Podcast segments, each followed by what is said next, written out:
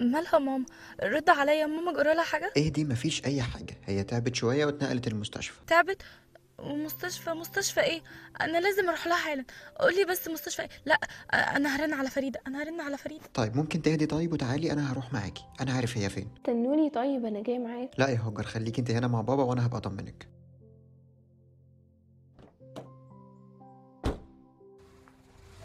بسرعة يا أتم بالله عليك بسرعة. ألو يا فريدة قولي لي والنبي هي عاملة إيه دلوقتي؟ أنا جاية أهو. والله مش هتأخر عليها. مش هسيبها تاني. حاضر خلاص والله أنا جاية أهو. آه يا ماما. أنا آسفة إني ما سمعتش كلامك. أنا آسفة. اهدي يا ريسال صدقيني مفيش أي حاجة وهي كويسة. هي بس غيبوبة السكر مع كل الضغوطات اللي حصلت عليها دي هم اللي أثروا عليها. وهي إن شاء الله كويسة دلوقتي مفيش حاجة. لا لا. هي قالت لي تعالي وما تروحيش. وأنا اللي ما سمعتش كلامها. لو جرى لها حاجة أنا عمري ما سامح نفسي. هتبقى كويسة إن شاء الله ما تخافيش. إحنا وصلنا على فكرة. خالته فريدة هي فين؟ عايزة أدخل لها. دخلوني ليها لو سمحت. رسال انت كويسة يا حبيبتي؟ يوه الحمد لله. قلقتينا عليكي ليه بس كده يا بنتي؟ أنا آسفة والله أنا آسفة. ما قدرتش. أهم حاجة طمنيني عليها. الحمد لله يا بنتي هي كويسة. ما تخافيش. والله الدكاترة قالوا ما حدش يدخل لها على الأقل ال 24 ساعة دول. المهم طمنيني انت. عملتي إيه مع عمامك؟ يا هاجر مفيش أي حاجة ما تقلقيش. مامتها كويسة الحمد لله بس الدكتور منع عنها الزيارة لحد بكرة. مش عارف شوية مشاكل كده في العيلة تقريبا. طب طب هاجر هكلمك بعدين. سلام. مش عارفة أشكرك إزاي. فريدة حكت لي على اللي حصل من أول اليوم وإنك كنت معاهم. بجد شكرا. ولا شكرا ولا أي حاجة. طمنيني بس مامتك دلوقتي عاملة إيه؟ وهو ممكن ننزل نشرب حاجة تحت مع بعض؟ تمام يلا. آه، هي خالته بتقولي إنها أحسن شوية. هتبقى أحسن إن شاء الله أكيد. آمين يا رب. أمي دي أنا معرفش أعيش من غيرها لحظة.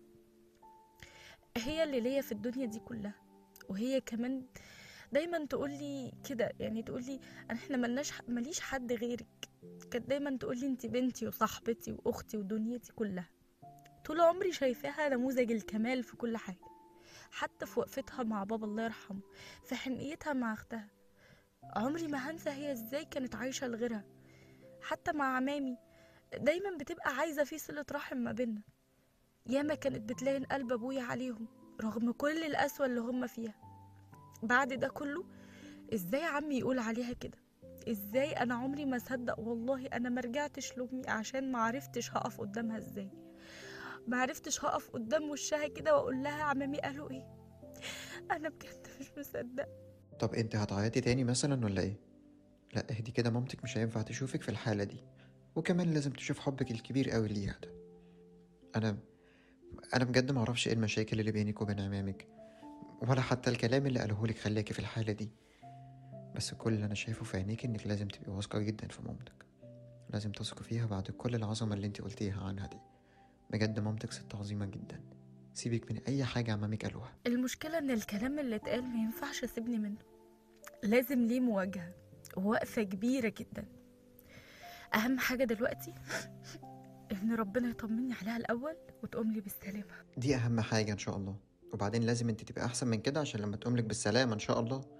وهي فين رسال بتاعت أول يوم في الشغل؟ فاكرة الخناقة اللي بينا؟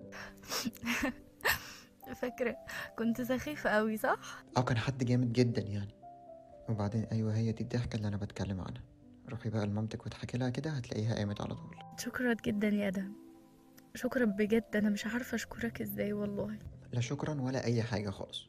أنا هستأذن دلوقتي عشان لازم أمشي. ولو احتجتي أي حاجة كلميني في أي وقت.